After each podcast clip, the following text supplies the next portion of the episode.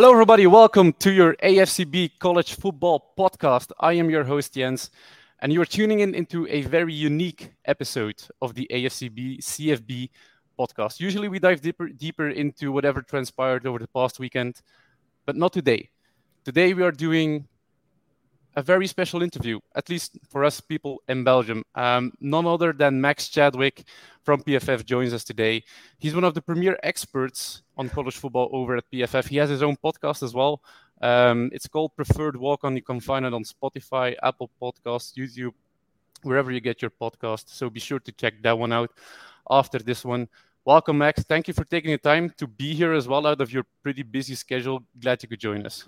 Of course, man. I don't know if I'm a premier college football analyst. I really appreciate it. That's very kind words from you. But yeah, man, I, I know we, have talked a lot uh, over the course of the season, honestly, and I, am really excited to finally talk to you in person. Yeah, yeah, me too. We've actually indeed been, been talking a bit. Um, you're quite active on Twitter, so pe- people who are into the Twitterverse, you can find the handles below on on the on the screen here as well. Um, is that your day-to-day job being on twitter creating s- social media stuff or, or what, what actually is it what you do most during a day yeah so my my actual job at pff i'm a social media producer so what i do is i handle a lot of the social media for our main instagram uh, so that's what I get paid for mostly. And then on the side, really, I'm a college football analyst. And I'm kind of their lead college football analyst a little bit right now. So uh, I write about four articles a week uh, for PFF on college football. The kind of you know the same four articles you're going to see. I always do a preview of the week of the upcoming weekend. I always do a top 25 teams after every weekend. Um, and I always do the highest graded players at every position after every week. Mm. And then the other one is kind of up in the air. I, that one usually changes week to week. But uh, I do four articles a week, and then we also do two podcasts a week too. Like if I mentioned, preferred walk on me and Dalton Wasserman. Uh, so that's PFF's College Football Podcast. So we record two times a week, Monday and Wednesday. Uh, Monday episode is kind of you know up in the air, like like I said the other articles. The Wednesday one is always a, a preview of the five ish biggest games of the mm-hmm. weekend. Mm-hmm. So yeah, we always do. I do two podcasts a week. I write four articles a week, and then I also uh, handle all the posting basically on the uh, main Instagram for PFF. It's it's it's quite a busy job. I mean, explaining it even takes you a while to get through every everything you're doing in a day, but usually your week usually kicks off after Saturday. So mm-hmm. it begins on Sunday. You pr- probably watch as many games as we probably do here as well, like seven, six, whatever at a time. Yeah. And yeah, and I do. It... Uh, it's it's crazy. The PFF is. I'm lucky enough. PFF offices uh, the TV can go to four different games at once if you want it to. So. I usually go into the office every weekend because that way I can watch, you know, five games at a time basically uh, in PFF's offices. Imagine being able to say that you're going into the office to watch football. Uh, dude, I mean, we, are usually leaving the office the to do that one. it's the greatest job in the world. I, I always joke my mom because my mom – um, I used to always talk about football so much as a kid, and my mom would set a cap uh, on, on, dinner conversations. Like, Max, you could talk about football for five minutes. Uh, now I, I, was like, listen, I should probably turn this into a job. I love it this much. So um, now it's it, it was funny because like my mom would always get mad at me if I wanted to watch football instead of doing something else that, that we needed to do. Now it's like, okay, I have to watch football because it's, it's actually my job now. So that, that I have a pretty good excuse now for wanting to watch every game. What do you think about spring weddings? Is it Spring weddings are good. Fall weddings yeah. are those are your favorites, right? Fall weddings yeah, are the ones weddings, you. Yeah, I I have a girlfriend right now. I've been dating for a while. I don't know when we're gonna get married if we are, uh, but if we do, we will definitely not have a fall wedding because those should be absolutely illegal. It's ridiculous to even have a fall wedding right now. Yeah, it, it's it's usually a topic that picks up around the summer, and the invitations start coming in for for weddings a bit bit down the road. You see the ones you have to decline, probably have to get a bigger gift. Um, yeah. all right. We, we, we can keep talking actually about about what you or what what what the what an analyst does day to day, but it's still a college podcast. We want to give as many information to the listeners as possible without going into five hours of podcasting, which would mm. be pretty easy to do so. Um, the one thing that that's usually like the main topic of a podcast that that we're doing is prospect talk because okay. that's actually the reason we we got into this, knowing who's going to come into the NFL mm-hmm. um, in, in, April, who, who to watch, which are the outsiders, dark horses to get maybe sneakily into the first round, end of day two. Um, do you have one favorite prospect at this moment? You're saying like this one is if, if my team can get him at any certain position, take him. Ooh, good it's question. Very broad one. I, I, mean, you could probably name five off, off the top of your head. But so I, yeah, I so I was in a very lucky position this offseason. Um, I was able to interview a, a ton of, of players. Uh, a lot of them are, are top prospects now, like uh, mm. Caleb Williams. I was able to talk to Olu Fashanu, Joe Alt, uh, guys like that, Jer'Zhan Newton, um, Chop Robinson, like a ton of guys that are going to be top 10, top 15 picks, first round picks eventually. Um, so I, I, really love talking to all those guys um, and just kind of humanizing them, you know, because a lot of times in. PFF, the guys are all, you know, we have so many numbers on them that they kind of become a number in some ways. Mm-hmm. So it's really cool to get to know them as, as people, you know, because they are people at the end of the day. Uh, so my favorite, pro- the one guy I want my team to get, um, I would say I, I haven't I didn't talk to this guy, uh, but I would say I the guy who I'd be probably most surprised by if he fails in the NFL is either Marvin Harrison Jr. or Brock Bowers. I didn't talk to either of them, but I think those two are Brock Bowers might be the greatest tight end prospect of all time. I, I think he could go down. Unfortunately, he's down with an injury right now, but once he comes back, once he finishes out his college career, we might look back and say that is the best tight end college football has ever seen. Uh. I think that his career has done enough that I think you can make that without sounding sounding hyperbolic. Marvin Harrison Jr. I mean, it's crazy that he's the son of one of the greatest receivers in NFL history, and nobody even brings it up anymore because of how special Marvin Harrison Jr. is. Mm. He's his own player now. He's standing on, on his own two feet. So mm. those two, those are the two I would say are. I hate saying bust proof because you never know in the NFL draft, but those are the two I would probably say is if if they bust, then I might come on and say I don't know what I'm talking about anymore because I thought those two were uh, as safe as it can get, pretty much. Yeah, they're pretty much generational. That's yeah, probably a exactly. term we could use. It, it, it, was a label we didn't fully say last year with Bijan. Mm-hmm. I mean, you still had Saquon Barkley, who, mm-hmm. you kind of put at the same level. So we're not yeah. talking generational for Bijan. Marvin Harrison Jr. and, and Brock Bowers, it, it's indeed, as you've said, they're on another planet. Yeah. Not, not even tier. Let's let's it, call it another planet. It's, it's another planet, man. You look at and you talk about generational. Um, the bet the last receiver prospect you can maybe stack up against Marvin Harrison Jr. I mean, you might have to go back to Calvin Johnson in 2007. Like that. That's how, and we all know how great Calvin turned out to be. Uh, Calvin, uh, AJ Green, and Julio were were really highly rated. But I think Marvin's better than Ja'Marr Chase was coming out, and I love Chase coming out of, of LSU. Uh, Amari Cooper was very, very hyped up coming out of Alabama. I think Marvin's probably even better than that.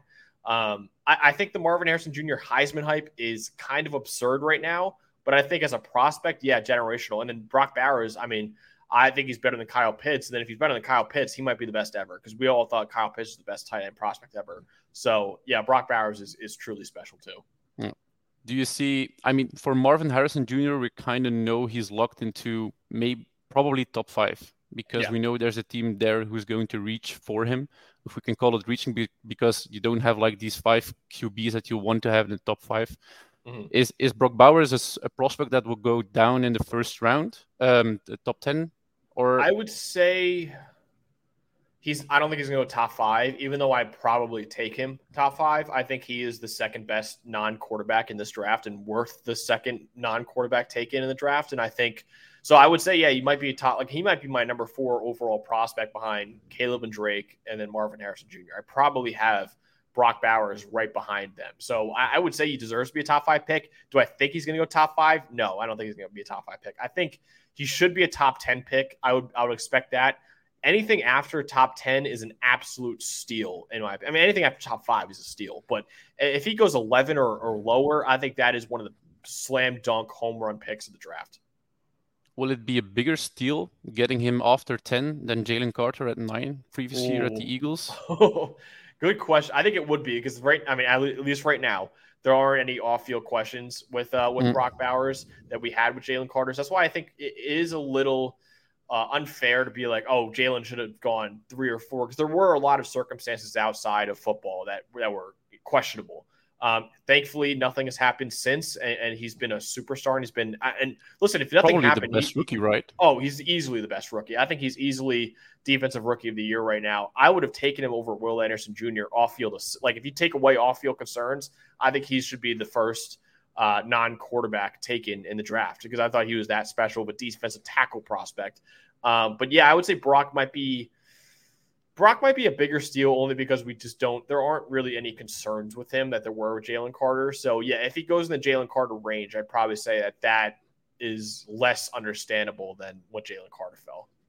Yeah, at, le- at least now we know there's going to be two teams drafting in the top ten who are not taking QB, who are yep. going to be very happy Oh, taking easily. any any of these two prospects. I, have seen I've seen Brock Bowers mock to the to the Bengals when they were kind of bad in the beginning of the Can season. Can you imagine, dude? Oh my god, Ooh. that would be Ja'Marr Chase and Tee Higgins, and we'll see if they keep Tee Higgins or anything like that. But with mm. Joe Burrow throwing the ball too, man, that offensive line's improved.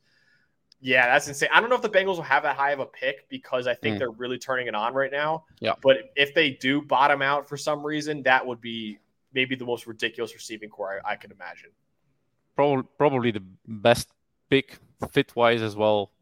Oh, easily, for, yeah. For, for Brock they can Bowers. definitely use them, yeah. Yeah, I mean, we've been talking about prospects, only two prospects for about five, uh, minutes already, and and and there's there's like 100 other guys we could talk about. is there a class this year that's that's standing out above the rest? Because you have we have a few pretty strong classes. Is there one where you're an absolute? This will be a slam dunk. Most of these rookies will probably succeed. Class. Yeah, I, I, think the one position where I would say it's probably this by far the strongest is offensive tackle. I think this is a truly special yeah. offensive tackle class. Now, I am in the minority here. I, I know Trevor Sikkema disagrees with me. I know Connor Rogers disagrees with me. I know most draft analysts disagree with me. And don't get me wrong, I'm not a draft analyst. So they probably know more than me. I'm in the minority. I think Joe Alt's the number one tackle in this draft, and I don't even think it's particularly that close either. I, I think he is what he can do as a pass protector, what he can do as a run blocker is special, and he he's been a better pass protector than even Olu Fashanu this year. Now I know Olu is a better mover than him, and he's a special mover. And I, I interviewed both of them, so it's not like I have bias to either Alt or Fashanu. I love both of them as people, and I think they're both special players and deserve to be top ten picks. But I think what Alt does as both a pass blocker and run blocker, he was the best tackle in the country last year as a sophomore. He's again the best tackle in the country this year as a junior.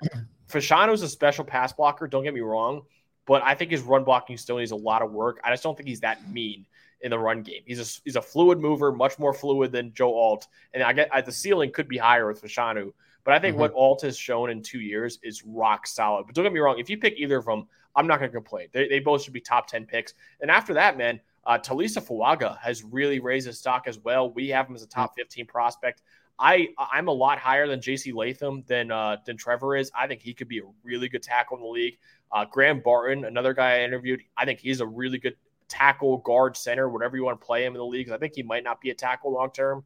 Uh, Amarius Mims has maybe the highest ceiling of any tackle in this draft. I mean, he could be a special player. So yeah, there are a lot of players. I mean, Patrick Paul has played really well. Jordan Morgan from Arizona.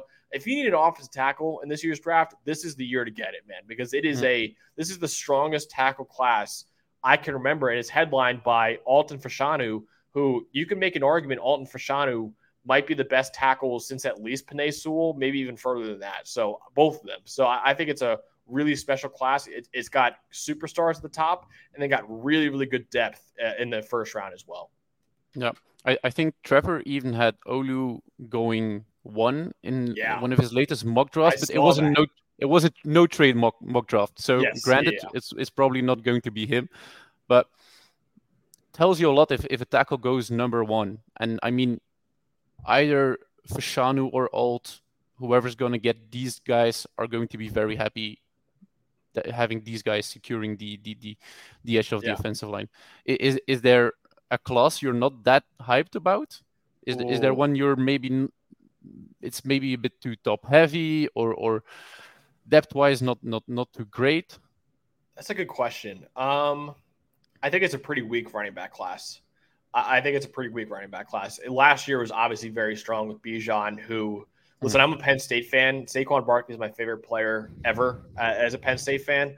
But I would even say Bijan Robinson is a better prospect than Saquon Barkley was. Like I, I, I thought he was special coming out. So, mm-hmm. um, and then after that, you're going back to maybe Adrian Peterson in 07. So that that's like that's generational fits the term for Bijan Robinson.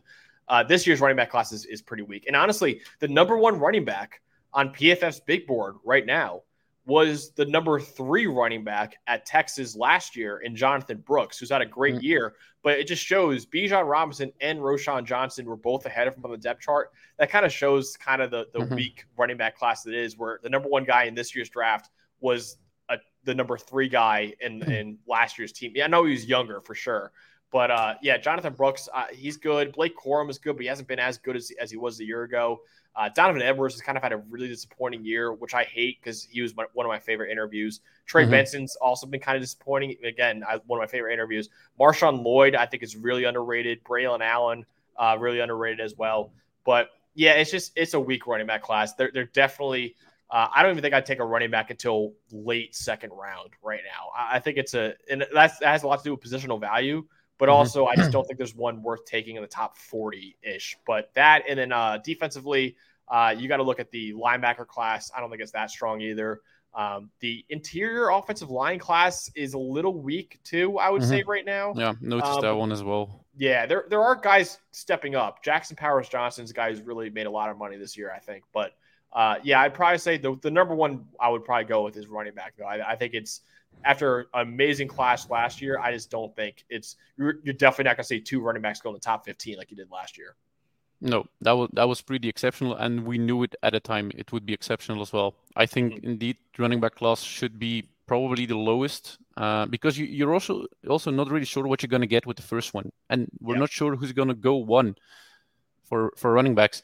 What I do think, however, is that there's a strong possibility these will pan out as running back twos on mm-hmm. a lot of teams because you you you've, you've mentioned them um, Jonathan, Jonathan Brooks, Blake Corum, uh, Donovan Edwards still will have something yeah of a workload at another at a, at a team in the NFL which will prove very fruitful. So in in a sense I'm not that hyped about running backs running backs, but I would be kind of glad if one of those could actually land on, on, on one of my teams. Yeah. So I'm I'm I'm I'm a Vikings fan, so we we could use the help probably yeah. at running back. If one of these guys could join the group, I'd be very happy. So I think if you're looking into uh, fortifying a running back uh, duo, which you could maybe use to get into the, the playoffs and, and maybe have a stronger duo threatening uh, uh threatening uh, the defense, mm-hmm. I'd be very glad to take one of these indeed, as you said as well, the interior defensive line. Johnny Newton is the one you're probably most excited about, and rightfully so. Uh, but then after that, it's probably a bit guessing as well. Do, you see one of these going in the first round still, or do we look into day two picks then already?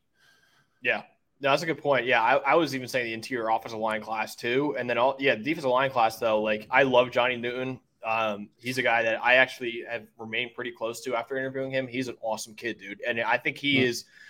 He was one of the top D tackles last year. He is one of the top D tackles this year. I would take him in the top 10. And, and he told, like, there are very few players who I talked to who would tell you why they came back to school and and give you an honest answer. Um, he was the one who was honest. I asked him why he went back, and he was like, "Dude, I was looking at mock drafts. I was not in the top two rounds. That can't happen. I need to go back to school and be a top ten pick." So I think he deserves to be a top ten pick now. Uh, another guy who I love is Leonard Taylor. I think he has maybe the highest ceiling of any D tackle in this in this draft as a pass rusher, especially. So he's another guy that I think could be a, a top twenty pick if he if he keeps it going. But uh, yeah, after that though, it does get a little murky. But uh, Jer- Jer'Zhan Newton is definitely a guy that I would I would stand on the table for and say we need to take this guy in the top ten. Yeah, we've actually managed to get through probably most classes coming into the next year without talking about the quarterbacks. Yeah. It's pretty it's it's pretty exceptional to me to have to yeah. have a draft discussion without talking about quarterbacks. Do you have one you're probably taking first? Do you, are you, are you in the K, Caleb Williams camp or are you going Drake Maye and, and, and maybe lighting a bit of fire in, in, on social media in the upcoming weeks? Interesting. I okay. I'm taking Caleb first. Yeah. But the gap is closing between him and Drake Maye. Mm. I, I, think the gap is closing. There have been some uh, concerning things that have come from Caleb Williams' game this year. Now, I still think he's played really well. Look at me, it's not like been a bad year for him. He still played really well, but uh, I think he's trying to do too much right now. And I think if, if he has that mindset going into the NFL, it's going to be a rough rookie year for him. If he's trying to make a home run every single time instead of taking the singles and doubles, hmm. that's going to be something he can't do uh, in the NFL. Drake Maye has been pretty lights out. Even though they lost a couple games, he Drake Maye actually was the highest graded quarterback in the country over those two losses, which is insane. It just shows you how bad the UNC team around him was in those two games. Um, I would take Caleb over him. I, I, think Caleb, what he could do out of structures is still phenomenal. I think his ceiling is still phenomenal. Do I think he's a Trevor Lawrence, Andrew Luck prospect? No, I don't think he is. But I think he's kind of like a Kyler Murray kind of prospect, both in terms of how they play, um, in terms of how good they are. So I think he's kind of on that level. Drake Maye, I could definitely see a world Drake Maye is better. I think Drake Maye, you can make an argument, might be a safer prospect. Mm-hmm. Um, just because I think there's a world where Caleb eh, could just you know be doing too much out there.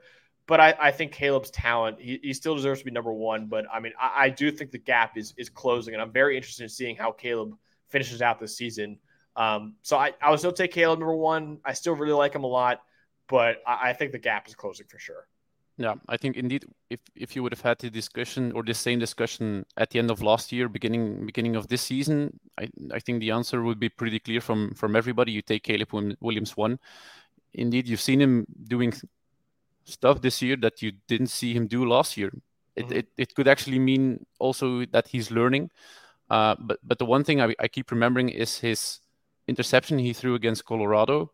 Yeah. At at, at the end of the game he was already kind of uh, his momentum was, was going forward um, game wise, and it, you saw him forcing the ball where he didn't need to be where he yeah. didn't need to force the ball because everything worked out all all the time, and this time it didn't. So it could actually be good for him that he's having this kind of not saying off year, but lesser year than than, than mm-hmm. last year. So he's actually getting a little bit more preparation into adversity for next year. That's also right. that's also how you could look at it, learning how to deal with adversity. And I think he's in the best situation to learn that under Lincoln Riley. Oh, definitely. And, and I hate even saying down year because like there have been quarterbacks who've had down years. Yeah. He's still been one of the best quarterbacks in the country. Don't get me wrong. It's mm. that's how special he is because he entered his freshman year and he had the best freshman season since maybe even better than Trevor Lawrence. Like he was really good at Oklahoma that year. Uh, sophomore year, obviously, everyone knows he won the Heisman Trophy. Um, so the, the hype was ridiculous for him, and mm-hmm. he hasn't been. He didn't take a next step forward. It, it's it's been a half step backward, if you even want to call it that. Um, so that's why everyone's kind of low on him. But it's like, dude, he's still one of the best quarterbacks in. America mm-hmm. right now. It's not like he's he's playing bad. Um, it's just he's not progressing like we like we wanted to see from him. So um, it is hard to progress though when you are the best quarterback in America last year. But uh, yeah, I, I, know a lot of people have been saying down year. Uh, I, I, catch myself saying it too, but it's like mm-hmm. a down year for Caleb Williams is still a quarterback that everyone in the country would take pretty much. Yeah. Do you have any other quarterbacks going in, in the first round this year? Because that's probably a bigger discussion even than yeah. who do you have one on one or two. Yeah, um, good question. You have you, you have a lot of interesting prospects, but you also have like kind of a lot of side notes as well with which with every single prospect that you can name from this point on. Right. I think um, I think Michael Penix Jr. the year he's had, I understand he's a six-year senior. I understand he has tor- two torn ACLs in his past, uh, but he's been special. The mm-hmm. one thing I think people need to remember though, Michael Penix Jr. I, I, think a lot of people are kind of crowning him as QB three, and I'm, I'm fine with it. I, I probably would say he's QB three. But another concern that I don't think it's brought up a lot with Michael Penix Jr., besides the age and injuries, he is playing maybe in the most quarterback friendly offense in America right now. Mm-hmm. Like he has one of the best receiving corps, if not the best in the country. That offensive line is protecting him at one of the best rates in the country. And then you got your head coach and Kalen DeBoer, who I think is one of the best offensive minds in the sport. And then Ryan Grubb was an offensive coordinator that Nick Saban tried to poach last offseason and he couldn't do it. So I think he is in a very, very quarterback friendly offense. Uh, I do think he's phenomenal. He, he was really good at Indiana too, so it's not like he just came out of nowhere. But I, I, do think that that's a concern that needs to be brought up. Bo Nix is kind of the same thing, where Bo Nix is playing in a very quarterback friendly offense, but he's been really good the last two years. Uh, I'm, I've really been impressed by him just kind of stepping up and being a system quarterback a little bit. Whereas at Auburn, he was a gunslinger. You know, you, you didn't know mm-hmm. what Bo Nix was going to do on every play at Auburn, but he's been a lot more playing within the system. JJ McCarthy, I think, could be QB3. Uh, I just don't know what the heck he is right now. He hasn't played anyone this year. He's not playing anyone this weekend. And now the Penn State game, the Ohio State game, the playoff, if they make it there, which I think they will, hmm. that'll be the test for him. Then we'll say, okay, who are you? Who are you really? Because right now, JJ McCarthy looks like one of the best quarterbacks in America. The problem is we don't know who the heck he is because he hasn't played anyone yet. So I think he's a guy. Uh, Shedeur Sanders has played really well. I think he could be. Um, I don't think he's going to declare this year. I think he will go back to school for his senior year, but he's really impressed me. He could be QB1 next year, honestly. Last one I want to bring up is Jayden Daniels. Uh, he is a guy, I think his career progression and his career arc reminds me a lot of Jalen Hurts, where uh, if you remember, Jalen Hurts at Alabama could not throw the ball. They did not want to throw the ball with Jalen Hurts at Alabama because he simply couldn't do it. Uh, that was kind of like Jayden Daniels at Arizona State. He could not throw the ball. He was a great runner, and Jalen Hurts has always been a great runner, but he couldn't throw the ball. Then Jalen Hurts goes to Oklahoma, becomes one of the best passers in the country, goes to the Eagles, becomes a perennial MVP candidate like we know him now. Jayden Daniels goes to LSU last year.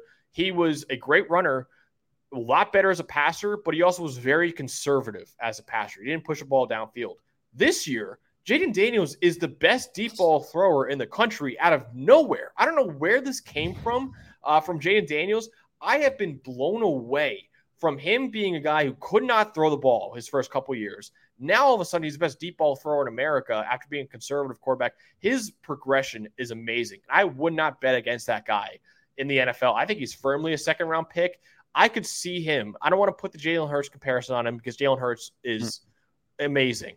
Hmm. But I could see the, the career progression and just getting better every single year And I think it's Jalen Hurts esque, man. And I, I would not bet against Jayden Daniels. And if he beats Alabama tomorrow, he's your Heisman frontrunner by a mile, in my opinion. Even more more of a favorite than JJ. Yeah, because I, I think he's he's the front runner right now, JJ McCarthy. Yeah. I don't think JJ will have the stats to win it, which is as a PFF guy, I hate that because the counting stats is not a metric that should matter all hmm. that much, but for the Heisman voters, it will matter. Uh, the stat I actually found, uh, which I think is crazy, JJ McCarthy has only dropped back to pass four times in the fourth quarter this season. Four times. That is less than his fourth string quarterback. The fourth string quarterback at, at Michigan has more dropbacks in the fourth quarter than JJ McCarthy. So he is getting benched in the third quarter because they're beating out teams by 30 already. So I'm excited to see when he finally faces adversity. Like I said, um, I just don't think JJ will have the stats, the counting stats to warrant it. Even if his grade is the best in the country, maybe if he, even if he does deserve it in my eyes, I just I can't see the Heisman voters giving it to him with the stats that he's putting up because he's he's not playing the second half of most games right now. Yeah, I, I think you, you actually bring up an interesting topic in, in, in Michigan. They're not playing anybody, but like you said, you probably expect them in the in, in the playoffs.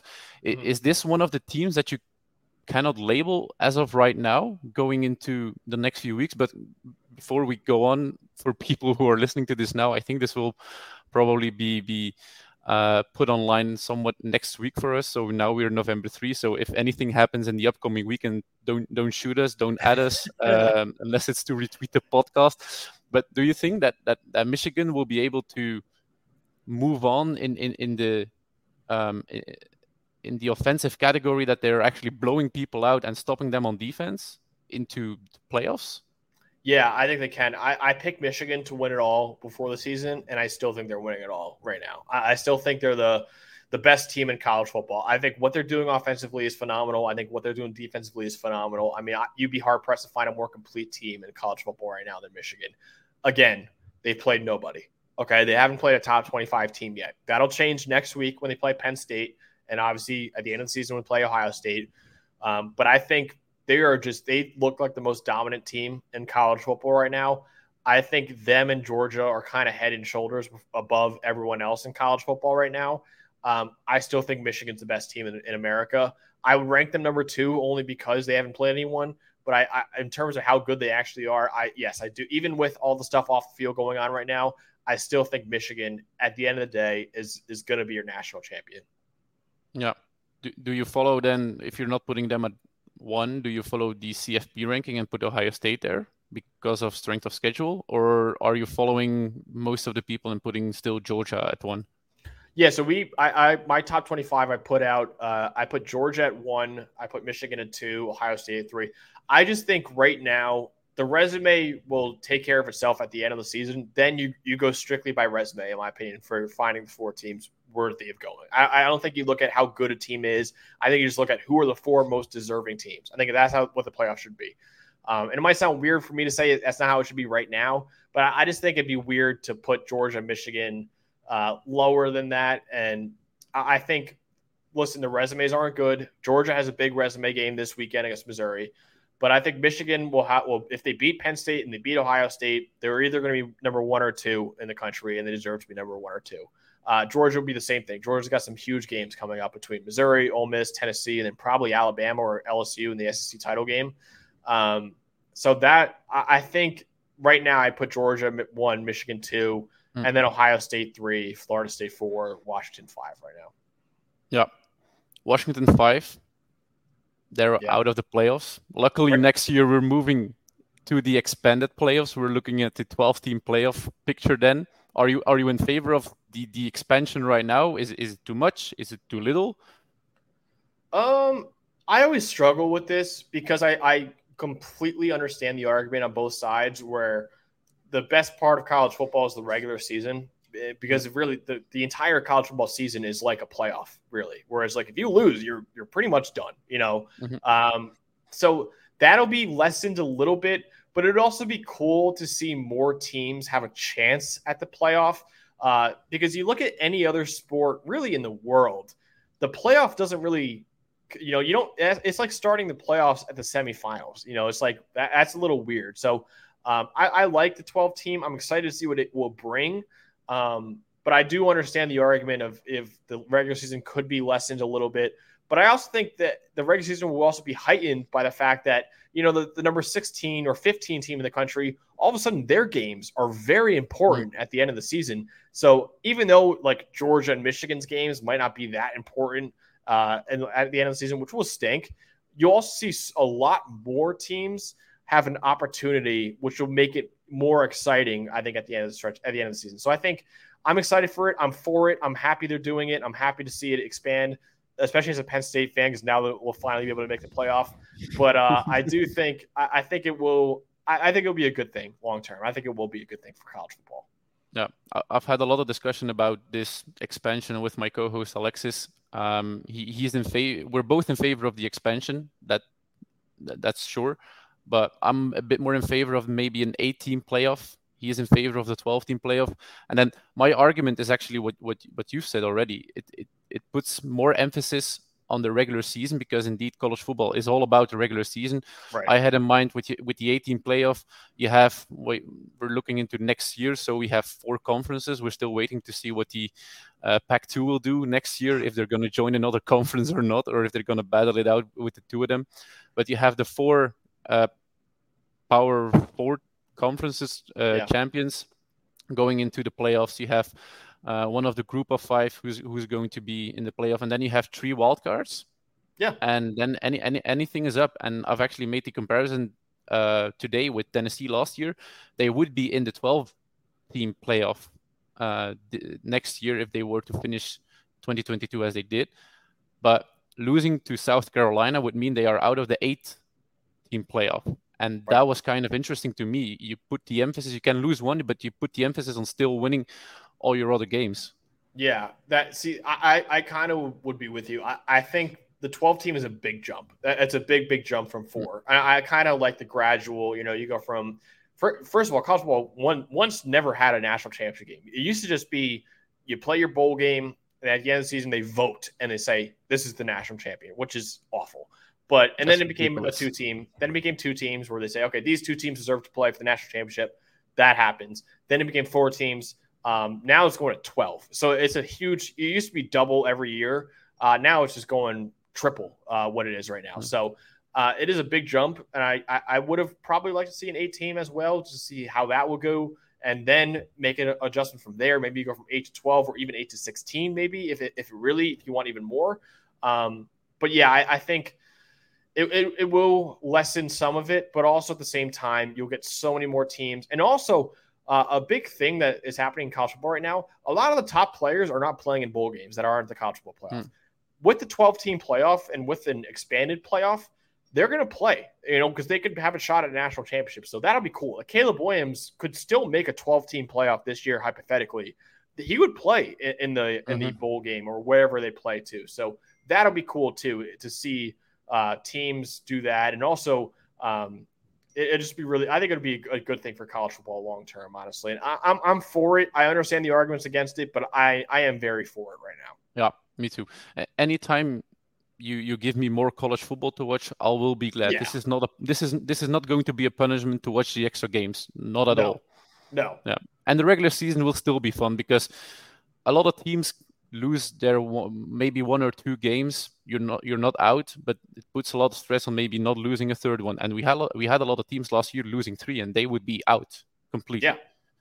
Right. Exactly. and, and like again, like when it was just the BCS and it was only two teams the end of the season was just like, okay, we, we have three or four teams that we're really caring about how they win or lose because these are the mm. four that can be now. Now we have right now we have like ten teams that can make the college football playoff.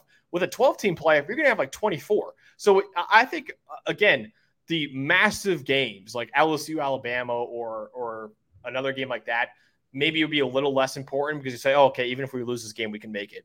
Um, but I, I, also think that you have a lot more other games where it's like, okay, we have to pay attention to what Air Force is doing right now. We have to pay attention mm-hmm. to what James Madison eventually, hopefully, will be hopefully. able to do. Uh, it's BS what's going on with them. Yeah. Um, how many how but, many years until they they are edu- eligible for the playoffs? Is it next, next year, year, or next yeah, year okay. they are? But I think right now they deserve to be the favorite to be the Group of mm. Five team in a New Year's Six yeah, Bowl. I sure. think what they have done is more impressive than Air Force. It's more impressive than Liberty um, is they can't even compete for an SEC for a Sun Belt championship.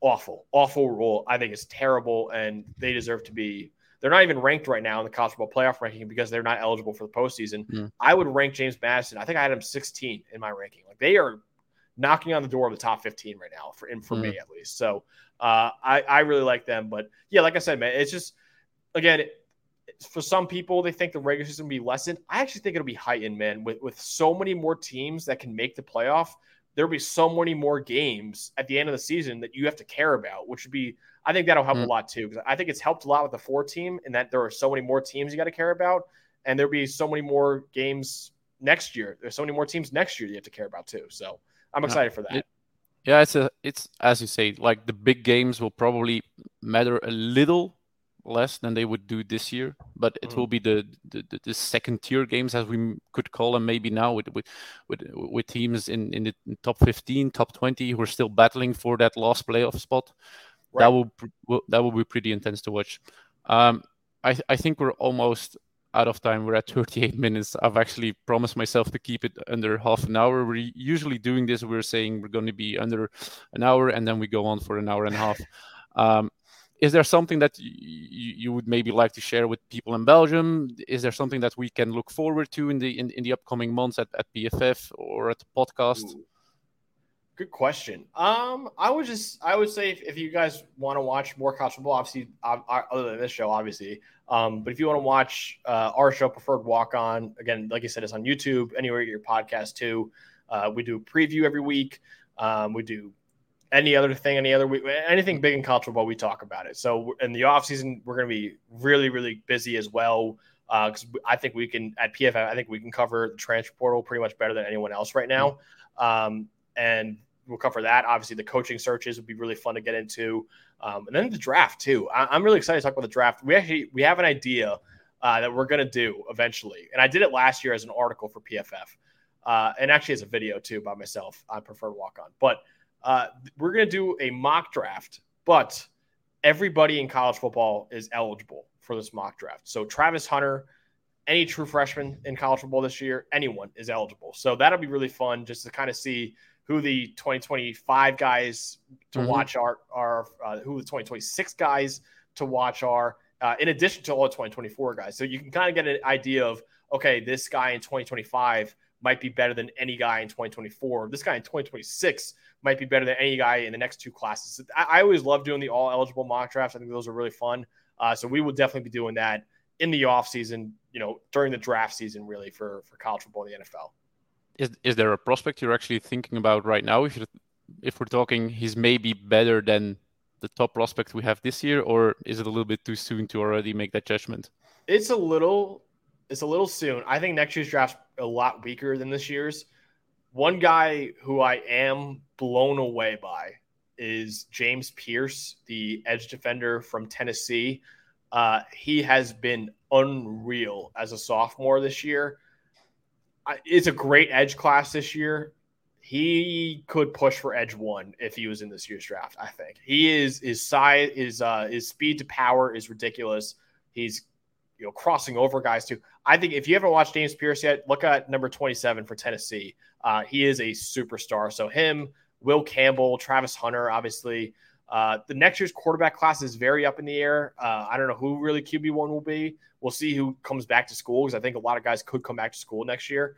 Uh, Shedeur is aiming for number one pick. So Shedeur, yeah, I think Riley Leonard could come back to school. Actually, all the injuries he's had. Uh, Michael Pratt is, you know, there's rumors of Michael, Michael Pratt transferring. Pratt, I saw the Michael Pratt tweet today, and yeah. he's actually. It was a rumor up in the air. He's going back to college football next year. He denied the rumor like directly, but it, it could be. There's a there's a sense of logical thinking there. Like it could make a lot of sense for him to go back to school.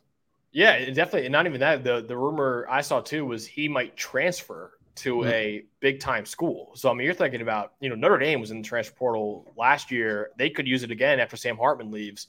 Uh, who knows? I mean, there, there's a lot of schools that could be losing quarterbacks this year's draft that mm-hmm. would love Michael Pratt in their program right now. So uh, he could be, uh, he might be the top quarterback in the transfer portal this offseason, honestly, if he does decide to enter it. So, uh, yeah, I'm excited though. There's a lot of, a lot of younger guys that nobody really talks about until after this year's draft is over, but we're going to talk about them in our, in our all eligible mock drafts. I'm really excited about that.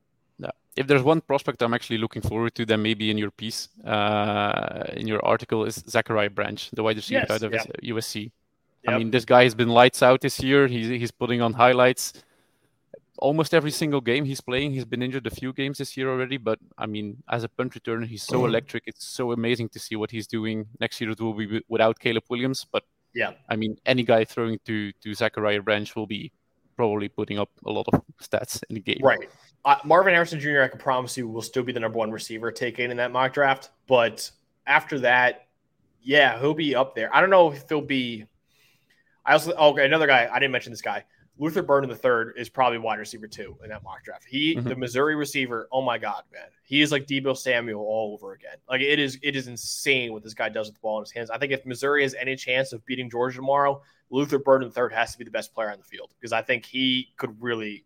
Uh, I mentioned I made this comparison before. You know, Rondale Moore beat Ohio State by himself basically when he's at Purdue that's kind of the performance I think Luther Burden needs to have tomorrow against Georgia. So uh, he's another guy that I think will be maybe a top five pick in next year's draft. I think what you could do at receiver is special. So yeah, but Zachariah Branch, I'd probably put in that next tier after that. Hmm. Probably if you know, he, I, I could promise Zachariah Branch will probably be a first round pick in that mock draft for sure.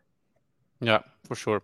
Some a lot, a lot to look forward to, and especially with the, the NFL draft, we have a lot to look forward to. There will be, for the listeners, more episodes on the NFL draft in the upcoming months. Of course, we're a college football podcast, so we're going to cover it. Um, there's some talks already going on uh, on how we're going to do it. There's some talks about new guests, special guests um, coming coming back to this podcast. So a lot to look forward to on our side as well. Max, uh, thank you very much for taking three quarters of an hour to, to be here with us. It was an absolute pleasure to have uh, th- this time talking with you. I mean, we, we could go on for maybe another two hours and, and, and still have plenty to talk about. Uh, but we'll wrap it up here so people who are doing the commute can still listen to the full podcast in the, in their commute. Thank you very much for being for here. Me, Sorry. So thanks for having me. It was an absolute blast talking to you. Yeah, Thank you. Um, for the people who listen, thank you very much for listening. You can find this podcast on Spotify, you can find it on Apple Podcasts, and you can find the full video of this podcast on YouTube as well. Thank you very much for tuning in and see you next time. Bye bye.